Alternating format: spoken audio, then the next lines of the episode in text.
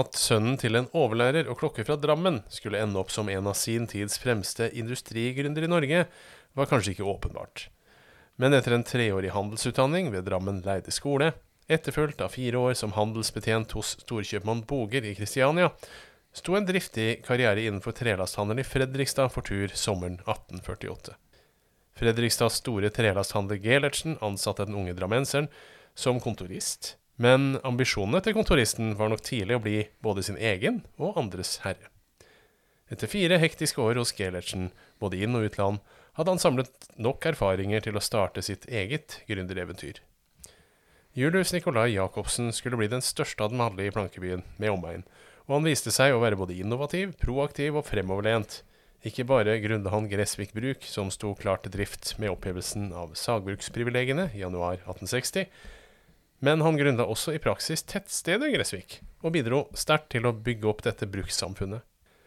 Bruksarbeiderne sine viste han stor omsorg for, og han utmerket seg ofte som en omsorgsfull pater familias for sine arbeidere på bruket.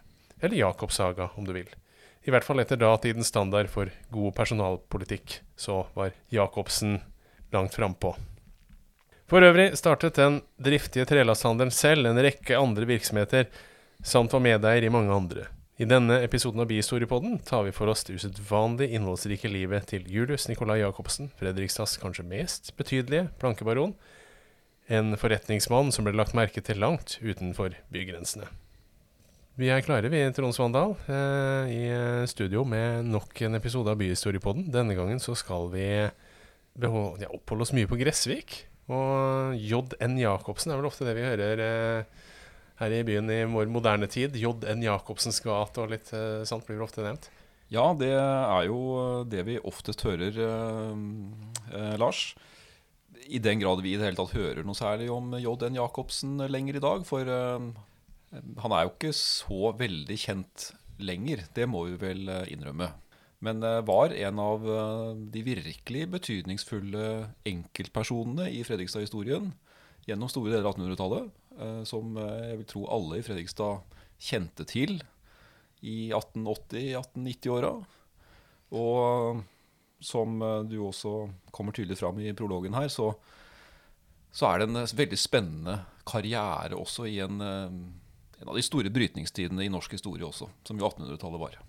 Ja, altså det var vel kanskje ikke gitt at uh, nettopp uh, Julius Nikolai Jacobsen skulle slå seg opp og bli en skikkelig storkar midt i industriens eh, hva skal vi si, mest pulserende periode i Fredrikstad. For han kom jo fra litt eh, Det var ikke enkle kår, det kan vi ikke si. For faren hans var jo tross alt eh, Han var jo overlærer, så det var ikke noen her som var lavest ned i samfunnet. Men det var jo ikke akkurat noen industrimagnatfamilie heller. Det var det jo ikke. Nei, det var det jo ikke. Det må vel eh, sies å være fra, fra en slags eh, middelklasse i, i Drammen. Men at han kom fra Drammen, er jo interessant. For uh, han var jo på ingen måte alene om å komme fra Drammen til Fredrikstad i de her uh, veldig fascinerende åra i uh, 1850-, 1860-, 1870-åra, hvor vi får den store industriveksten. Veldig mange av disse trelastgründerne kom jo nettopp fra den gamle trelastbyen Drammen ved Drammenselva. Ja, Drammen er liksom den gamle trelastbyen. Og, og, det er jo en interessant historie i seg sjøl, hvordan så mange fra Drammen kommer hit. Eh, det er klart, dette her var en jeg vet ikke om vi skal si en varsla katastrofe for trelastnæringa i Drammen, men det var jo egentlig det, på en måte. Altså, uh, det er jo sånn med trelasthandel at, uh, og trelastvirksomhet at man må nødvendigvis hente råmaterialene sine fra et sted, og da må man hente de i skoger i nærheten eller i vassdrag ved den elva man holder til. Og her så man jo at det begynte å bli for lite av riktige dimensjoner i Drammens vassdrag etter hvert her. og så man visste jo at her kom man til å gå tom for de beste råmaterialene, og at man kanskje måtte forberede seg på å se etter andre muligheter for eh, næringsdrift. Eh, og, og dem som var litt frampå der, de fant seg jo da eh, nytt virke i et helt eh, genialt område for trelasthandel, nemlig Fredrikstad og Sarpsborg og området her ved Glomma, er jo veldig godt egna, for her har du tilgang på Norges største elv og et enormt skogsområde oppover langs elva. Så så det var ikke tilfeldig at de kom hit, for her så de at her var det god tilgang på tømmer, og at dette her var den nye trelastbyen. Det, det kunne man nok eh, skjønne ganske tidlig hvis man var litt eh, fulgte litt med. Ja, og det var jo på ingen måte et område som var fremmed for trelastvirksomhet. Altså Her hadde det vært uh, store sagbruk helt fra 1600-tallet av, i, både ved Sarpefossen og, og Solibruk. Men uh, det nye store i skal vi si 1850-1860-åra er jo Fredrikstads muligheter med da den nye teknologien, nemlig dampmaskinene. Og også noen uh, veldig viktige lovendringer men hvis vi ser på denne, altså historien til J.N. Jacobsen, da, for å gjøre det kort her så Han går på Drammen leide skole fra 1841 til 44, og så går han i tjeneste i Oslo i noen år, før han kommer til Fredrikstad i 1848. Og det er jo faktisk en stund før disse sagbruksprivilegiene ble oppheva. Så det er jo før du virkelig slår igjennom med trelasthandel i Fredrikstad, egentlig. Men uh, hvorfor var det så mange fra Drammen som begynte å komme allerede da? Ja, det var en uh det er en veldig interessant periode de par tiåra før sagbruksprivilegiene oppheves, eh, som vi egentlig ikke har hørt så mye om. Det var en periode hvor man drev med noe som ble kalt for uh, bjelkehogst. Altså man hogde tømmerstokker til firkanta bjelker. Det var ikke underlagt privilegiene på samme måte som sagbruk. og da lå Fredrikstad godt til. Her var det en god havn, og mange så mulighetene her. Og da er det bl.a. denne Gelertsen, Peter Gelertsen og en lokal storkjøpmann som het Daniel Legård, som hadde etablert seg i 1840-åra. Og at denne unge kontoristen fra Drammen søkte seg ned hit, det, ja, det var kanskje tilfeldig, men, men, her var det muligheter. Og det er klart Han kom jo fra et trelastmiljø, en by hvor, hvor dette var kjent. Og han hadde jo gått i lære og kunne da handelsfaget, som var viktig. For dette var et ganske komplisert fag. Og det var nok et lykketreff at han fikk denne posten hos Gellertsen, som åpenbart ser mulighetene i denne unge karen som eh, kom fra Drammen. For han sender jo ganske etter kort tid etter at han kom til Fredrikstad. Så blir han sendt på skal vi si, et eh, oppdrag til Nederland for å lære mer om faget, og knytte selvfølgelig kontakter med de store handelshusene ute i Europa. Der kan vi vel kanskje gjette på at her er det noen som ser at denne denne unge drammenseren har ferdigheter. Altså, fordi det er klart Du sender ikke hvem som helst ut på en sånn tur. Så han må kanskje ha fått ganske gode skussmål fra kjøpmann Boger i Kristiania når han uh, kom videre dit, eller?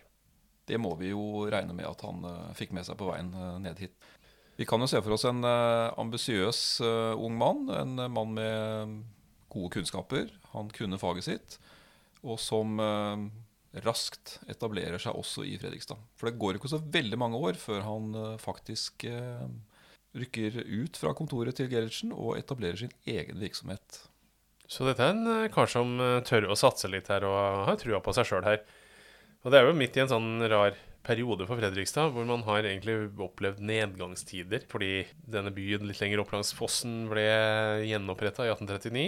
Og ikke bare ble Sarpsborg egen by, men uh, den ble også eget tollsted i 1844. Og det gjør jo da at mange av disse tollinntektene og det som sarpingene faktisk måtte innom Fredrikstad for å få gjort noe med i riktig uh, gamle dager før dette her, uh, det må de ikke lenger. De slipper å fortolle ting via Fredrikstad og kan nå ta ting direkte ut fra sitt eget tollsted.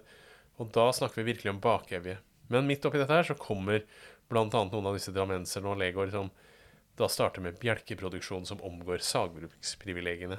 Og vi har jo tatt mer om dette her tidligere, Trond. De som vil høre hele historien om Fredrikstad på 1800-tallet, vi kan jo høre på episoden vår eh, nummer fire, som tar for seg Fredrikstad fra festningsby til plankeby, som vi har kalt den. Og der får du nettopp denne overgangen her med litt grundigere historikk for byen Fredrikstad. Så den eh, kan vi jo varmt Eh, og helt upartisk anbefale, selvfølgelig. Absolutt. Der er vi helt uh, subjektive. Helt subjektive. Det koster vi på oss i denne sammenhengen her. Og da sitter vi der med disse sagbruksprivilegiene. For uh, J.N. Jacobsen klarer jo da å time oppstarten sin ganske bra i forhold til dem. Det må vel ha vært en del diskusjoner også før sagbruksprivilegiene ble oppheva. Men altså, sagbruksprivilegiene sier jo at det bare er visse sager med rettigheter som kan sage tømmer. Eh, gjerne knytta til de litt eldre herregårdene og storbruka, som har lov å drive med sagbruksdrift.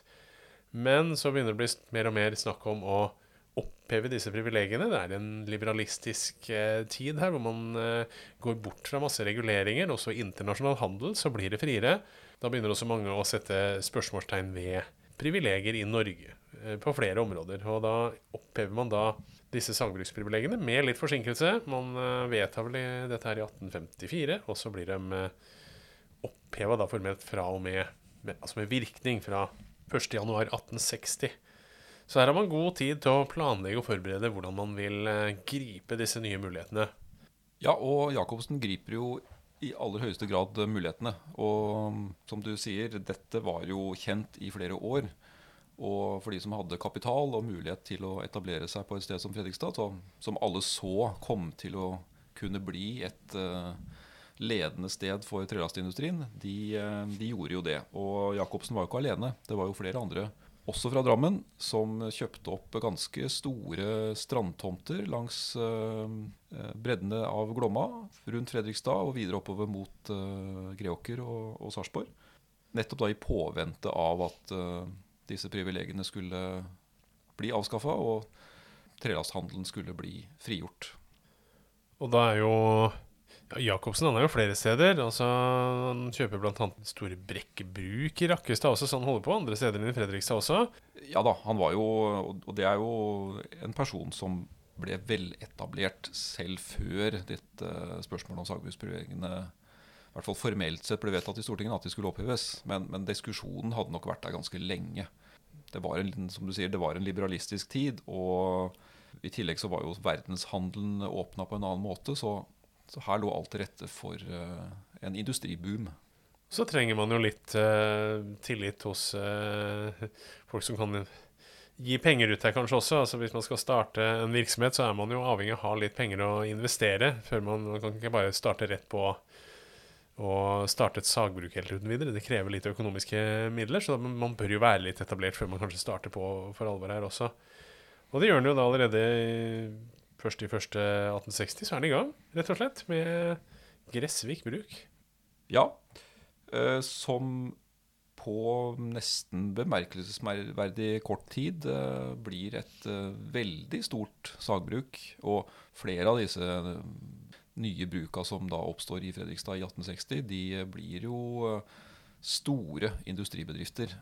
Og Gressvik bruk var jo først og fremst et eh, sagbruk, men etter få år så utvider jo Jacobsen virksomheten og driver foredling av tømmeret til eh, både høvling av bord, for det var jo mye bedre fortjeneste, og en hel del annen virksomhet også knytta til bruket, og andre fabrikker rundt bruket. Annet en kjemisk fabrikk som produserte en, eh, noe som kalles oksalsyre av eh, sagflis og restmateriale. Så ja, en ganske imponerende liste over, eh, over etableringer da, ute på Gressvik.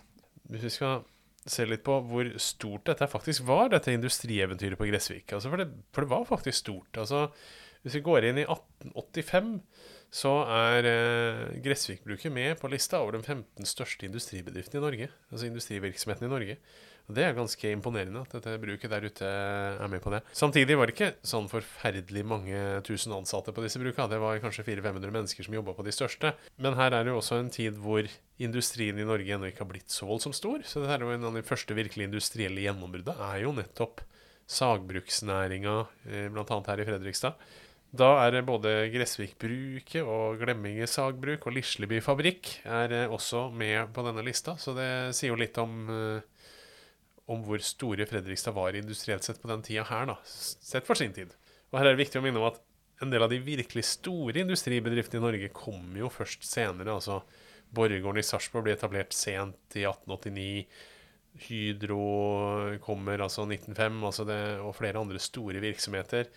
Eh, mange tenker kanskje på Saugbrugs som en stor virksomhet, men selve den cellulosevirksomheten på Saugbrugs starter også først ut på 1900-tallet. Så, så dermed så har du mange av disse virkelig store, store virksomhetene kommer først senere. Så, da, så det er jo før, før det gjennombruddet kommer, da, med denne svært energikrevende produksjonen mange bedrifter driver med, som kommer litt senere. Ja, og vi er jo eh, I 1860-åra så er det jo fremdeles eh, trelastindustrien som er Norges store industrivirksomhet. I tillegg til eh, noen av de gamle bergverkene, smelteverkene.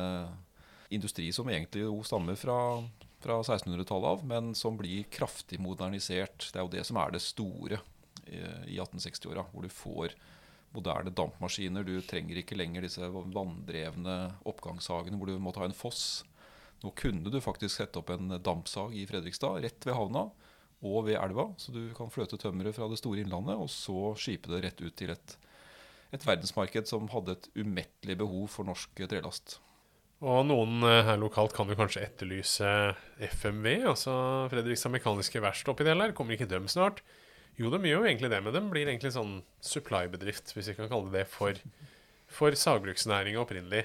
Og så vokser jo det fram til å bli en stor egen virksomhet, men, eh, men opprinnelig så er det et sånn underbruk under Myrens verksted fra Oslo som eh, leverer ting til sagbruksnæringa.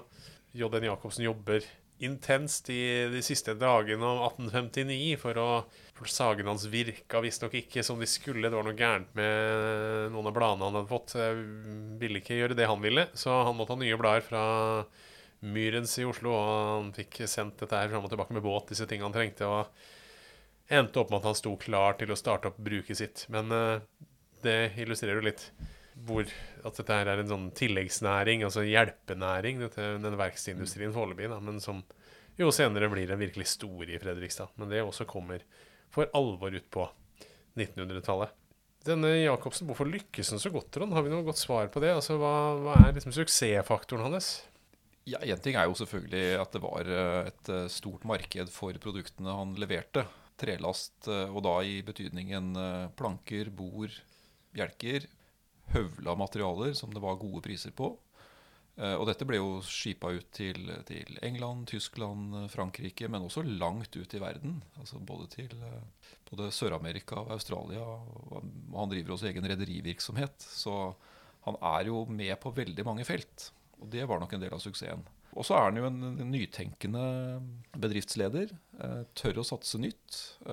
Og prøver seg på denne kjemiske fabrikken for å utnytte restmaterialet fra sagbruka. Det ble ingen økonomisk suksess, men det viser jo litt at det var en uh, industrileder som, ja, som våga å prøve ut nye muligheter. Men det er jo selvfølgelig store, den store etterspørselen etter de varene som ble produsert. Trelasten som ble produsert. Og Så ser det også ut til å ha levert veldig gode varer og fått et ganske godt rykte tidlig.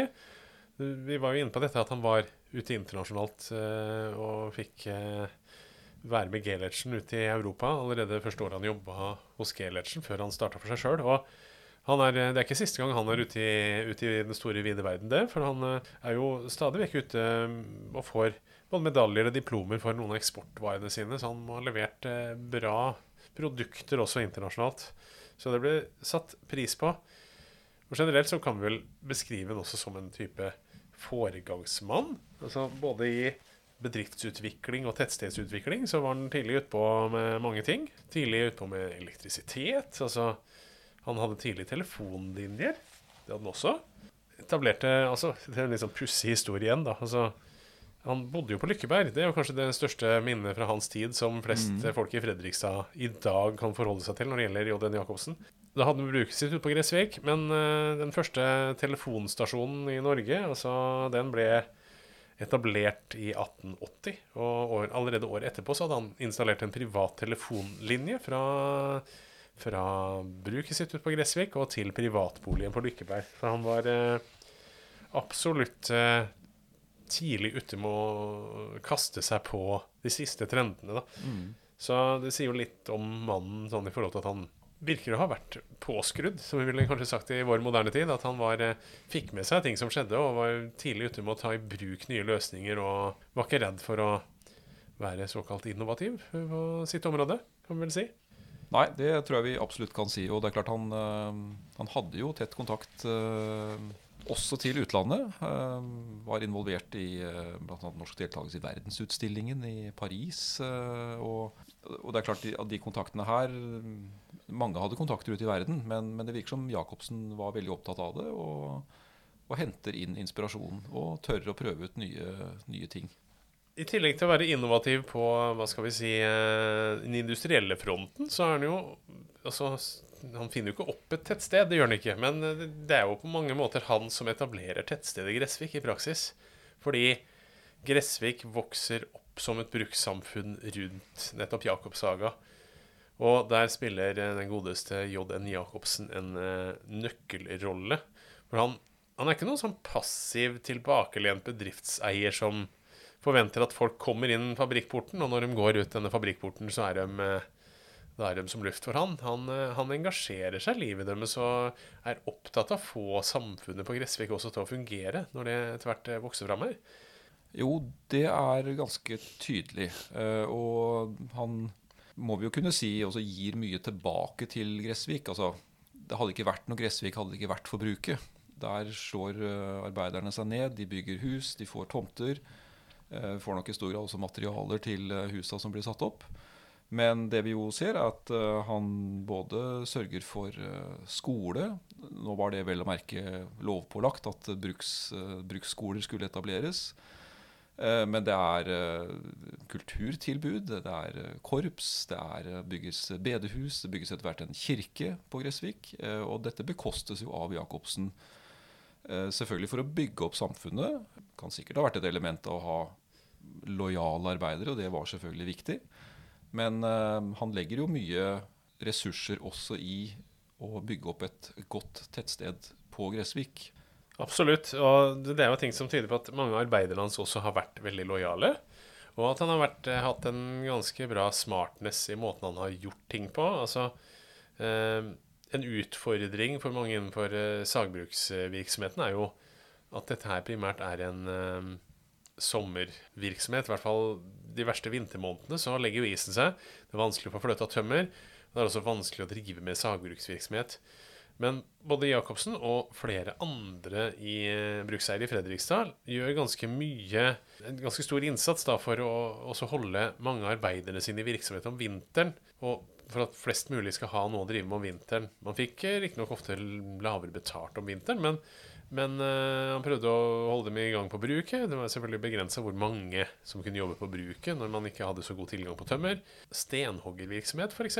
var jo noe flere engasjerte seg i, disse brukseierne. At om vinteren så fikk arbeiderne uh, ble de hyra inn til å hogge sten. Så mange av dem ble utdanna også stenhoggere, så de hadde noe, en vintervirksomhet som stenhoggere. Blant annet på Hauge og ellers rundt Lisleby-området flere steder man hadde stenhogging fra bruksarbeiderne. Og da fikk du også en inntekt om vinteren. Kanskje ikke like mye som om sommeren, men du fikk en helårsinntekt fra jobben din. Og det skaper jo en lojalitet, det. det og han gikk også altså ellers andre ting som tyder på at han gikk ganske langt for å sørge for arbeiderne sine. Det Var, han var ofte villig til å stille med garantier for lån. altså Han som du nevnte, gratis, eh, eller i hvert fall sterkt subsidierte materialer til hus, altså tomter. Og han oppfordra også disse arbeiderne sine til å bygge stort. Altså Han mente på at eh, nå må du bygge stort, for da blir det plass til flest mulig her. Så han så er det at ok, bygg hus, og bygg så du har plass til flere, så vi kan få inn flere som kan jobbe her. Så han var jo absolutt framsynt og drev en ganske god behandling av eh, arbeiderne sine, rett og slett. Og vi ser også at en annen suksessfaktor da, som kanskje kan ha bidratt til at Jacobsen lykkes bra, er jo at mange av arbeiderne på Gressvik de kom typisk fra disse andre sagbrukskommunene rundt her. Både Tune, Onsøy, Skjeberg og Sarpsborg var områder hvor han henta mange arbeidere fra. ikke sant? Det gjorde jo at mange også hadde et forhold til hverandre. At det var mange som kjente hverandre. Det var ikke sånn helt vilt fremmede folk som kom inn når du, når du fikk folk nært fra. Og det betød også at du hadde et visst sosialt nettverk. Du hadde kanskje noen som sørga for å holde litt orden, holde hverandre litt i øra, skal vi bare si det. Jeg vet ikke, men altså, sånn i forhold til å ikke skli for mye ut med fyll og elendighet, som man ofte så mye av i Fredrikstad, i selve byen. Og man så eh, mye av de andre nye industristeder som kanskje kom litt senere. At da var det mange som kom ganske rotløse fra andre steder. Og da hadde man ikke det nettverket rundt seg som man da kanskje hadde på Gressvik da, og en del av de andre kanskje industristedene, sånne småstedene i Fredrikstad. Disse brukssamfunnene som vi har mange av langs elva her. Det skaper nok også en lojalitet da, når eh, man får mange som holder sammen, og som har en brukseier som er opptatt av at de skal ha det etter datidens forhold bra. da. Så det sier jo litt om den sosiale rollen han spiller for arbeiderne sine. Og han sørger, Du nevnte kirke. Sørger, det, det, kommer jo brannstasjon, det kommer poståpneri, det kommer mange ting i lokalsamfunnet. Han jobber hardt for å få apotek til Gressvik. altså det er, det, det er en sånn lang rekke med ting han jobber for å få i orden vannverk oppe i Trondalen. Eh, også Jacobsen som eh, bidrar med finansiering og gjennomføringa. Så han tar jo ansvar for hele samfunnet. Forventer selvfølgelig noe igjen av lojalitet, men, men eh, han har nok kanskje lykkes eh, godt med lojalitetsbygging eh, i langt større grad enn en del andre kanskje har klart. da. Ja, og det, det, det fins noen beretninger fra, fra, arbeidere som jo nettopp peker på det at han, han nøt stor respekt, men at han også krevde, han krevde lojalitet tilbake. Eh, men det er klart det var viktig også for, for en bedriftseier å ha både lojale arbeidere, men også dyktige arbeidere. Og det var jo spesialkompetanse, dette her. Uh, og den var jo Det var ikke gitt at de ble værende hvis forholdene var dårlige. Så, så her var det jo konkurranse bedriftene imellom også. og er nok en del av suksessfaktoren til Gressvik at han nettopp klarte, klarte å holde på gode arbeidere lenge. Uh, og det skapte jo også da gode inntekter til, uh, til bedriften og til Jacobsen, selvfølgelig. Uh, men det må jo også sies at selv om han drev godt og drev innovativt, så, så var det jo en virksomhet uh, prega av konjunkturer, og trelast, trelasthandelen i Norge mot slutten av 1800-tallet var jo prega av store oppgangstider og store nedgangstider. Eh, det var jo eh, år i 1870-åra som var veldig dårlige, og eh, også senere fram mot århundreskiftet. Og det er jo en del av en nesten kalle en Klondyke-periode i Fredrikstad, men den varer jo ikke evig. Den varer ikke evig. Den endelige nedgangstida går jo på en måte Jacobsen glipp av, for han dør jo på 1890-tallet, i 1894, så han er jo ikke med videre når den endelige nedgangstida kommer. Og det er jo sønnen hans, Andreas Jacobsen, som får ikke æren, eller noe tvilsom æren, å se bruket gå nedom hjem til slutt. At man må legge ned. Men det er jo først ut 1924 eh, at eh, Gressvik-bruket legger ned.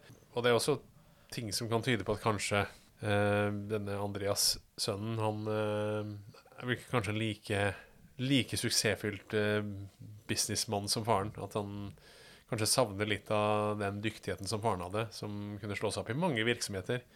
For det gjorde jo også, gjorde jo også Jacobsen. Han slo seg opp i mange, mange virksomheter. Altså det, det er jo hauger av virksomheter som han da tar eh, tak i. Og vi kan jo nevne noen. Altså det er jo han er inne med hjem, altså på Hafslund er han oppe og styrer med, blant annet. Eh, hjemkjøp av Hafslund Godset. Han er med i Fredrikstad Glassverk, Fredrikstad Stenhuggeri, Bamble cellulosefabrikk, Tunadal Sabe i Sverige. Altså, han er innom ganske mange, mange virksomheter som han er egentlig eh, dels eh, involvert i, da, i tillegg til mye skogeiendommer og, og, litt forskjellig som han styrer med, og disse andre lokale virksomhetene som vi har nevnt. Så dette er en kar som er involvert på mange fronter. Etterfølgerne hans lykkes ikke like godt, og vi etter hvert så forsvinner jo da det meste av arven etter Jacobsen? Ja, det gjør jo det. Uh, til å ha vært så sentral som han jo var, uh, ikke minst i å bygge opp uh, Gressvik, og selvfølgelig næringsvirksomheten der ute. Men det var jo en person som også ga mye tilbake til, til, Fredrikstad, og som må vi si har gitt veldig synlige ting, i hvert fall bygninger, tilbake til Fredrikstad. Vi har nevnt Lykkeberg, denne fantastiske villaen fra 1870-tallet, eh, som, eh, som, jo var privatboligen til eh, Jacobsen. Og tilhørende denne villaen så var det jo en stor park. Det var en stor eiendom rett og slett midt i byen. Kanskje betegnende om posisjonen han hadde, da, at han donerer en ganske stor del av den eiendommen i, i 1870-åra til en ny, stor bygning. Da er det Vestsiden kirke, det som senere blir domkirken, som blir oppført der. Så hver gang du er i Domkirkeparken og rusler en tur, så går du egentlig på Jacobsens grunn. Så det er jo absolutt eh, noe å være takknemlig for at eh, vi har fått en sånn grønn oase midt i byen. Og Lykkeberg er flott i seg sjøl. Eh, ja, sønnen hans bidrar jo litt, han også. Vi kan ta turen over til Torvet i gamlebyen. Der står en statue av Fredrik 2. Eh, og den, i forbindelse med byjubileet i 1917, så er det sønnen til Jacobsen som da er med finansiere den statuen og oppføringa av den, så han har jo satt litt spor etter seg sånn sett. Men bruket på Gressvik, der finnes det ikke mye igjen, eh, Trond? Nei, der er det sørgelig lite igjen. Eh, I dag er det boliger på det meste av tomta. Og det er vel eh, I beste fall så er det noen små murer igjen av noen bygninger. Men det var jo flere store, virkelig store industribygg. Store haller hvor eh, sagene holdt til. Det var jo murbygninger for både dampkjeler og høvlerier. Og alt dette er jo borte. Og mm, som du nevnte, bruket ble nedlagt i 1924, og da blir jo også veldig mye av eh, denne gamle bygningsmassen revet. Eh, og dette er jo helt typisk også for de andre sagbruka i Fredrikstad-distriktet. Det, det er sørgelig lite igjen. Så det vi har igjen i dag, det er jo ikke industribedriftene som var opphavet, men det er jo arbeiderbebyggelsen. Det er jo disse bruksbyene. Gressvik, Lisleby, Selbakk. Og så noen av boligene til brukseierne. Og noen uh, brukseierboliger. Og de er jo eh, imponerende store og flotte. Og Lykkeberg er vel kanskje den mest imponerende av alle sammen. Det er jo en av de flotteste Ja, vi kan jo ta en tur på Kråkerøy, kan vi ikke det? Det er jo en, eh, det er jo en Ekheim er ikke så verst. liten uh, brukseierbolig på, på Kråkerøy også. Vi, vi må jo si det. Må ikke glemme Kråkerøy, Trond. Da ble jeg skuffa og lei meg, vet du. Da ble... Absolutt ikke, ikke glemme Kråkerøy. Det er jo en eh, interessant eh, bit av historien også, som også knytter seg til, til sønnen Andreas. For vi må jo si at han, eh, selv om det kanskje ikke gikk så bra med næringsvirksomheten, bruket ble nedlagt, og han måtte, måtte selge Lykkeberg til Fredrikstad kommune, som jo overtok, og installerte seg der med administrasjonslokaler i 1930-åra. Men sønnen skriver jo da et uh, flerbindsverk. Det er jo fem bind uh, som er en historie om faren. Uh, og det er jo kanskje en av de eh, rikeste kildene og en viktig del også av historien, da. Ja, det er en viktig del, det der. Jeg, jeg jeg har ikke den hjemme i hylla ennå. Jeg får vurdere om jeg skal få tak i den en eller annen gang. Men eh, jeg vet ikke om det er ikke helt sikker på at den historien kommer til å bli trykt opp i nytt opplag sammen med det første, for den er, det er et voldsomt verk. Den gjør nok ikke det, men uh, den er jo uh, Den er omfangsrik, og den er uh, veldig detaljert. og det er klart vi kjenner mye av historien da gjennom, gjennom dette verket om, om J.N. Jacobsen. Og det er også bevart et, et arkiv fra han, men det er den mest objektive historien som er skrevet. Det kan vi vel diskutere. Hvis vi skal ta på oss historikerbrillene og være litt kritiske, så er det kanskje ikke det. Men eh, det, på den positive siden så er det jo en andre historikere som har gjort litt ut av dette her også. eh, Som har studert brukssamfunnet på Gressvik og skrevet litt om det. Eh, Hvis man en Hvis man er interessert i dette og vil lese litt mer om detaljene og hvor vi har henta en del av vårt stoff fra, så kan man jo f.eks. se på det siste vel foreløpig siste utgitte bindet av Onsøys historie om 1800-tallet i Onsøy. Der er en ganske solid porsjon om eh, Gressvik-bruket og J.N. Jacobsen der. Og den er skrevet av Knut Dørum, en dyktig historiker som eh, skriver en moderne historieberetning om dette her. Så absolutt verdt å bruke noe, litt tid på, på de sidene av Onsøys historie hvis man, eh, hvis man er interessert i å lese mer om dette temaet her. Så kan den anbefales. Fås nok både i bokhandler og på biblioteket. Så det var dagens lille reklame. Vi er ikke sponsa av uh, Onsøy Historielag, som har gitt ut den, uh, det verket. Det er vi vel ikke. Men uh, Men vi anbefaler. vi anbefaler likevel. Vi anbefaler helt uh, uhilda. Eller ja, noe i den stilen. Skal vi nærme oss å være fornøyd med J.N. Jacobsen for denne gang? eh, Trond? Ja, jeg syns jo eh, det har vært viktig å fortelle litt om denne historien. For det er en, eh, en interessant personlighet. Det er en interessant eh, historie og en viktig historie for både Fredrikstad og ikke minst Gressvik eh, og Onsøy. Eh, En person som nok eh, har gått litt i glemselen eh, siden han da gikk ut av tiden i 1894, men som eh, har spilt en eh, svært sentral del i eh, Fredrikstads eh, historie. Vi har ikke trukket fram han fra historiens glemsel helt uten videre, for han ble jo verdsatt også i samtida. Altså, eh, må jeg si det før vi eh, legger i grava i 1894. Og så får han jo også da St. Olavs orden og blir eh, utnevnt til kommandør av andre klasse i 1894, det året han dør. Så, så det er en mann som har blitt bemerka, altså blitt merkbar også på nasjonalt nivå. Da, så han det er ikke så mange som får St. Olavs orden i Fredrikstad i dag. Det er jo ikke helt vanlig det, at man eh, blir utnevnt til kommandør. Så- Nei, det er jo ikke det. Og Og det var nok både for eh, industrivirksomheten, eh, selvfølgelig, men eh, han var jo også politiker, må jo sies. Både lokalt i, i Fredrikstad, men også på nasjonalt nivå på Stortinget. Så, så er det klart han hadde gjort seg bemerka også utover Fredrikstads grenser. En personlighet av et visst nasjonalt format fra Fredrikstad, som nå for det meste er glemt av mange. Men bor du på Gressvik, så kan du jo se om huset ditt er fra siste halvdel av 1800-tallet. Da er sannsynligheten eh, ganske stor for at huset ditt er bygd med materialer sponsa dels av J.N. Jacobsen. Og du bor uansett på et sted som er bygd opp rundt virksomheten hans, og som vel er en liten takk skyldig til Jacobsen for at det eksisterer. Det var litt sånn snev av Gressvik-patriotisme, selv om jeg er fra Kråkerøy. Var, man får jo bli nesten litt glad i Gressvika og lese litt om dette samfunnet og hvordan det ble bygd opp. Um, da syns jeg vi kan avslutte med rett og slett å anbefale alle som hører på, å ta seg en tur til Gressvik og vandre rundt i de uh, gatene som er der. Uh, restene etter uh, Jacobsens industrieventyr. Det er et veldig fint og sjarmerende tettsted, Gressvik i dag. Absolutt. Da takker Trond Svandal og Lars Thoresen for uh, seg og kommer tilbake med nye historiske eventyr fra Fredrikstad med omegn om ikke så lenge. Takk for oss.